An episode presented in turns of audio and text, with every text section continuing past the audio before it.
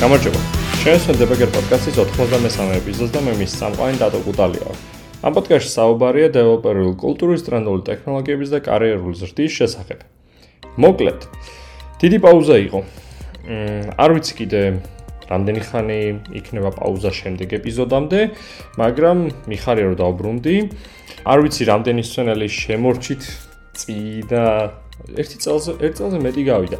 ხო, არ ვიცი რამდენი სცენალი შემორჩით გულთან სცენალი წინა მოსმენებიდან, წინა ეპიზოდებიდან, მაგრამ თქვენს ხარდაჭერას გრძნობდი და ძალიან დიდი მადლობა. იგრძნობოდა კომენტარებში, Facebook-ზე, ქუჩაში, ვინც ხვდებოდა, მათ შორის ისეთი უცხო ადამიანები, რომლებიც საერთოდ არ მყავდა ნანახი და უბრალოდ ჩემ პოდკასტი კონდათ მოსმენილი, რაც მოეწონათ და გულშემატკივრობდნენ. ასე რომ, დიდი მადლობა თქვენ და დღეს რადგანაც ამ ეპიზოდს წერ, ალბათ სწორედ ამის გამოხმაურებაა, რომ არ მინდა ამას ჩამოვცილდე და მინდა რომ რაღაც ჩვენი ისევ კომუნიტისთვის კაი საქმე ვაკეთო და გავაგზავნო პატარ-პატარა სერიების ჩაწერა. მოკლედ დღეს რაზე მინდა საუბარი? დღეს მინდა საუბარი იმაზე, რომ შეზღუდვები და რაღაც ჩარჩოებში მოქცევა, აკრძალვები, ბანის დადება და სხვა რაღაცეები რეალურად არ კლავს არაფერს, არც აფერხებს და პირიქით კრეატიულობის გაღვივების საშუალებას იძლევა. ანუ სადაც პირდაპირ თქვა ვერ შეხვალ, იქ ცდილობ კრეატიული გზებით გვერდი აუარო და რაღაცა შენსაც მაინც მიაღწიო. ერთ-ერთი გამოვლენა ამის შეიძლება იყოს ჰაკინგი. მეორე გამოვლენა შეიძლება იყოს უბრალოდ რომ პირდაპირ გზით თუ რაღაცას ვერ იღებდი, გამოიყენო სხვადასხვა ხელსაწყოები, ერთმანეთს გადააბა და ისე მიიღო სასურველი შედეგი. რატომ მაინც-მაინც ეს თემა შეიძლება იყოს კითხვა. ერთ-ერთი ალბათ რაც ყველაზე გაცვეთილია ამ ბოლო კვირანახევარია ეს ალბათ არის ფილმების ამბავი, არ დავასახელებ საიტებს აზრი არა აქვს, ტყუილად აზრს ვერ ვხედავ. ძალიან კარგ სტატიას დავლინკავ, დაახლოებით 10 წლის წინანდელია, თამაში თუ იცით Super Meatball, აი მაგის ავტორის დაწერილია, რომ რიფანდები და აპათია. ბევრად უფრო საშიში არის ვიდრე პირატობა. და ამას ძალიან კაცად კაფიოდ ხარს უჭერ, იმიტომ რომ როგორც software developer და რაც პროდუქტის შემქმნელი, შენთვის აპათიურობა და ამის ფონზე იმედგაცრუებული მომხარებლისთვის აი პროდუქტს რასაც კიდე იმედგაცრუებული თუ იქნა რომ არ მოსწონს და რასაც ელოდა ის ვერ მიიღო მოგთხოვს რიფანდს და ასეთი ბევრი იქნა. ვეროდ უფრო დამუყელია ვიდრე პირატობა რადგანაც ნაპირატალიდან შეიძლება ის ხალხი მაინც მოbrunდეს და ორიგინალ პროდუქტში გადაიხადოს ფული, რადგანაც შენი პროდუქტი ნამდვილად მოწონდა და უნდადა რომ დაგასაპორტოს. თუ იმ წუთას ვერ შეძლებს, სხვა დროს შეძლებს, რადგანაც პოზიტიური განწყობა ექნება.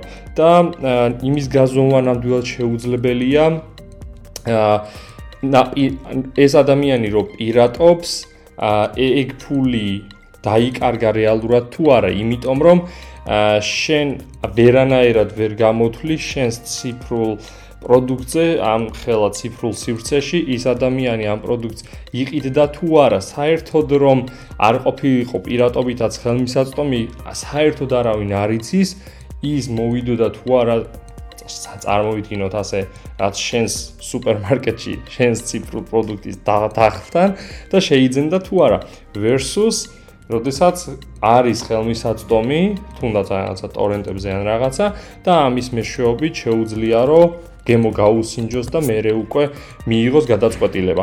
ბევრჯერ არის ასევე ალტერნატიული ხერხი მაგისი, რომ რაღაცა პროდუქტი დევს უფასოდ, ავტორს აქვს რაღაც გაკეთებული და იქვე დებს მაგალითად ფასიან ნაწილს და ვისაც შეუძლია იღებს უფასოს, ვისაც უნდა რომ ავტორი დაასაპორტოს, იღებს ფასიანს. რა თქმა უნდა, ეს კომერციულად ყოველთვის მომგებიანი არ არის, თუმცა ხედავთ ნიშნებს, როგორ შეიძლება უბრალოდ აუდიენციასთან მოქცევა. ის რომ რაღაცას ეგრევე ბლოკავ, არ არის საუკეთესო გამოსავალი, იმიტომ თუ რაღაცა პროდუქტი კარგია, მაგას აუცილებლად მიაგნებს ადამიანი, იმიტომ რომ რაღაცა კივილი როდესაც გარდა გინდა რომ მოიხსნა ა მაგაში მზად ხარო ფულიც გადაიხადო და სწორედ ეს არის ბევრი წარმატებული ისეთი utility software-ების წარმატების ფორმულა, რომლები პრობლემაც კონკრეტულად ერთი პრობლემა გადაჭრეს MacBook-ზე. მაგალითისთვის, MacBook-ზე ძალიან ცუდი არის native window manager-ი. პროდუქტი, რომელიც ამას აკეთებს და ძალიან ძალიან პატარა აპლიკაცია არის, რომელიც გეხმარება რაღაც ფანჯრები გადაალაგოს სწორად და რაღაც შორტკატები მიაბა, საკმაოდ დიდ მოგებას შეულობს. ცალკე ავტორი იღებს donations, ცალკე პროგრამა იყიდება, იმიტომ რომ ერთი ძალიან კარგი რაღაცა შეძლო, რომ გაიმარტივებინა ბევრი ადამიანისთვის. კაი, მოკლედ, ამას რო თავი დავანებოთ, გადავიდეთ ერთ ძალიან კარგ მაგალითს. აა, შეიძლება ორი წიყოს. მაგალითზე. Nintendo-ზე ვისაუბროთ. აქვე ხას გაუსვევ, Nintendo არის ჩემი საყვარელი კონსოლი. რატომ? იმიტომ რომ მარტივია, იმიტომ რომ ყველგან შემიძლია წავიღო და იმიტომ რომ ძალიან კარგი JRPG თამაშებია. მოკლედ, ამაზე არ მიდის საერთოდ კამათი. ეხლა Nintendo არის ჩაკეტილი პლატფორმა, ალბათ ყველაზე ჩაკეტილი პლატფორმა, რაც შეიძლება მიმართულებით ნახო. აა და ელემენტარული სტატისტიკის გაგებაც არ შეგიძლია. თან არის ძალიან დაფრაგმენტებული რაღაცა ვებსაიტზეა, რაღაცები აპლიკაციაშია, აქვს ორი განსხვავებული აპლიკაცია, როგორიც არის ჩოლებრივი Nintendo Online და მეორე მშობლებისთვის Nintendo სამართავი აპლიკაცია. ხო და Nintendo-ს მოკლედ ყველაფერი ჩაკეტილი აქვს. ადამიანს რომელსაც გინდა რომ შენი სტატისტიკა ნახო, აა შენს ხარეს აწარმოო რაღაცა, გჭირდება რომ მარტივად მიწდეს შენივე გამომუშავებულ, ასე ვთქვათ, მონაცემებს data-ს, ეს არ შეგიძლია. მაგრამ ამან არ შეაფერხა დეველოპერი ადამიანები, ჭკვიანი ადამიანები და აი ესე შეძლო ამ ხალხმა რომ მიიღო თავისივე დაგენერირებულ მონაცემებზე წვდომა. აა კერძოდ Nintendo-ს აქვს სხვათაშორის გამოირჩევა როგორც family friendly კონსოლი. ამიტომ Nintendo-ს აქვს ძალიან კარგი parental control-ი, მშობლის კონტროლი Z device-ზე და მათ შორის აპლიკაციაში, ანუ remote-ად ყველაფერს აკონტროლებ. ხო და საათებს სადაც თვლის Nintendo, ეს არის თავისი device-ი და მორჩა თითქოს არსად, არც საიტზე, არც Switch Online-ზე, მაგრამ თუ დააყენებ parental controls, ანუ შენს accounts გახდი რაღაც მშობლის admin account-ით კონტროლირებაც, მაგ შემთხვევაში გამოვარო შენ რა საათებით რომელ თამაშში დაყავი, მაგ ყველაფერს ხედავ მშობლის აპლიკაციაში. აა ანუ უკვე ორ ადგილას, ანუ როგორღაც გამოვიტანეთ Nintendo Switch-დან.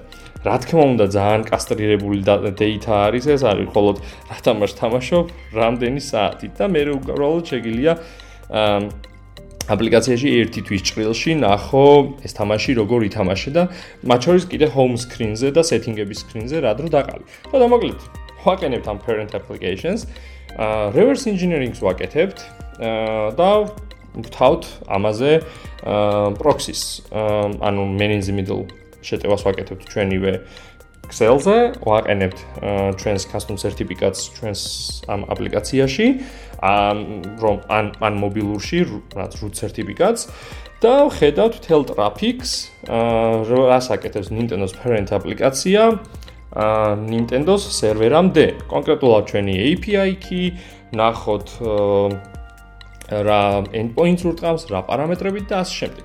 შემდგომ დგებით ავტორიზაცია კვლავ რთულია, მაგრამ მარტივად შეგვიძლია ამაზე გარიცავლა. ერთხელ ავიღოთ ტოკენი Nintendo Switch-ის ვებსაიტიდან და გამოვიყენოთ ჩვენს რამე Python სკრიპტში, რომელიც ავტომატურად ამ API-დან დაფეჩავს დატას, როგორც აპლიკაცია მოიქცეოდა.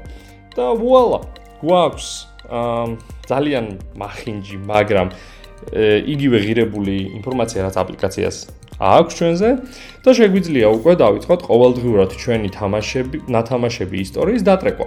და ჩვენს ხარეს ავაწყოთ ამის სტატისტიკა და მივცეთ უკეთესი ვიზუალიზაცია, რაც ინფოგრაფიკა, ვიდრე ამას Nintendo Switch-ის აპლიკაცია გვიკეთებს. შეგვიძლია თვის ჭრილში, წლის ჭრილში, ყვა კვარტალის ჭრილში თამაშების მიხედვით, თამაშების ჟანრის მიხედვით ავაწყოთ, ანუ რაც გვინდა ეს ყველაფერი გავაკეთოთ რა. რა თქმა უნდა ამ პროექტს რამდენ დროსაც ჩადებ იმდენად შეგიძლია დაასკალირო, მაგრამ აი ასეა რა. ეს ნიშნავს, რომ რაც არ უნდა ჩარჩოებში მოაქციო რაღაცა ადამიანის რაც კრეატიულობას ვერ მოკლავ და ან ვერ ვერ ვერ დაპრესავ რა და იგივე შეიძლება მოხდეს ნებისმიერ სხვა პროდუქტზე და თავისი ასე ვთქვათ მუღამი ყველანაირად შეუძლია რომ გაიცნოს ადამიანმა ციფრულ სამყაროში.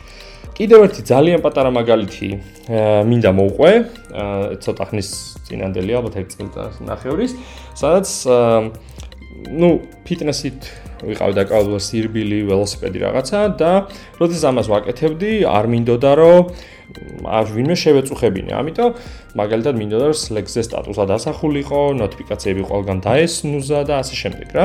მაგრამ Garmin-იც ისევე როგორც აი გიგანტი კომპანიები, რომლებიც ყველაფერს კეტავენ და მოტავენ, ზუსტად ეგეთი კომპანია არის, მიუხედავად იმისა, რომ საუკეთესო პროდუქტი აქვს.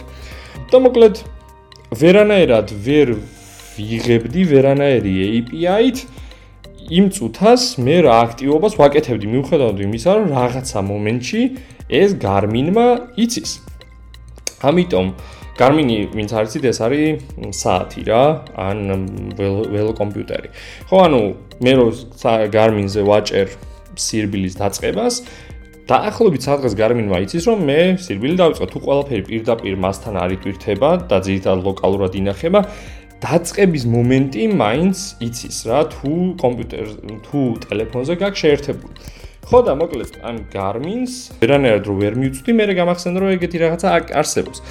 აა, როდესაც სირბილს იწყებ, შეგიძლია შენს კონტაქტებს, უსაფრთხოების კონტაქტებს გაუგზავნოს ავტომატურად სისტემა მეილი, რომ აი ამ ადამიანმა დაიწყო სირბილი და მოდი შეგიძლია თვალი ადევნო GPS-ით სად არის და როგორ არის. როდესაც მობილურზეა დაკავშირებული რა. ხო და Garmin-ს გავაგზავნინე მეილი საკუთარ რაღაც temp temp mail-ზე. ამ temp mail-იდან ვიღებდი ჩემი რაღაც პატარა go script-ით, რომელიც მას cron job-ზე მქონდა დაყენებული, აა mail-ს პარსავდი გებულობდი რა აქტივობას ვაკეთებ, რომელ საათზე, რანაირად, როგორ. აა გავაკეთე Slack-ის ბოტი. ამ Slack-ის ბოტს აქტივობის შესაბამის ემოჯის ვაყენებინებდი სტატუსად და შესაბამისი რაღაცა დროით snooze-ს ვაკეთებინებდი ნოტიფიკაციებზე რა. ერთი მხრივ ფან პროექტი იყო, რეალურად მართლა იმ მიზანს ესახურება რაც მინდა და მეორე კიდე არის ძალიან კარგი მაგალითი, როგორ აი დიდი კომპანიებიც კი საკუთარ გამომუშავებულ დატაზე თუ პირადად არ მოგცემენ რაღაცნაირად შეგიძლია გვერდი აუარო რა. ამიტომ ვინც რაღაც ამ ნაწილზე ფიქრობთ, იცოდეთ რომ პირიქით აი ესეთი რაღაცეები ყველა საშუალებას მოგცემთ რომ ფრთები გაშალოთ და კრეატიულობას მიაწვეთ რა. ხო, მოკლედ. დღესთვის ეს იყო. მე მგონი 15 წუთიან იმასაც მარკას უკვე მივარტყი. დიდი მადლობა კიდევ ერთხელ ყურადღებისთვის. თუ დღევანდელი თემა მოგეწონათ ან რაღაც დასამატებელი გაქვთ ერთი ორი თემა თქვენი გამოცდილება, გამიზიარეთ კომენტარებში და რა ვიცი, შემდეგ ეპიზოდში რაზე იქნება საუბარი. ეგეც შეგიძლიათ შემოთავაზოთ. ასე რომ, წარმატებები და მომავალ შეხვედრამდე.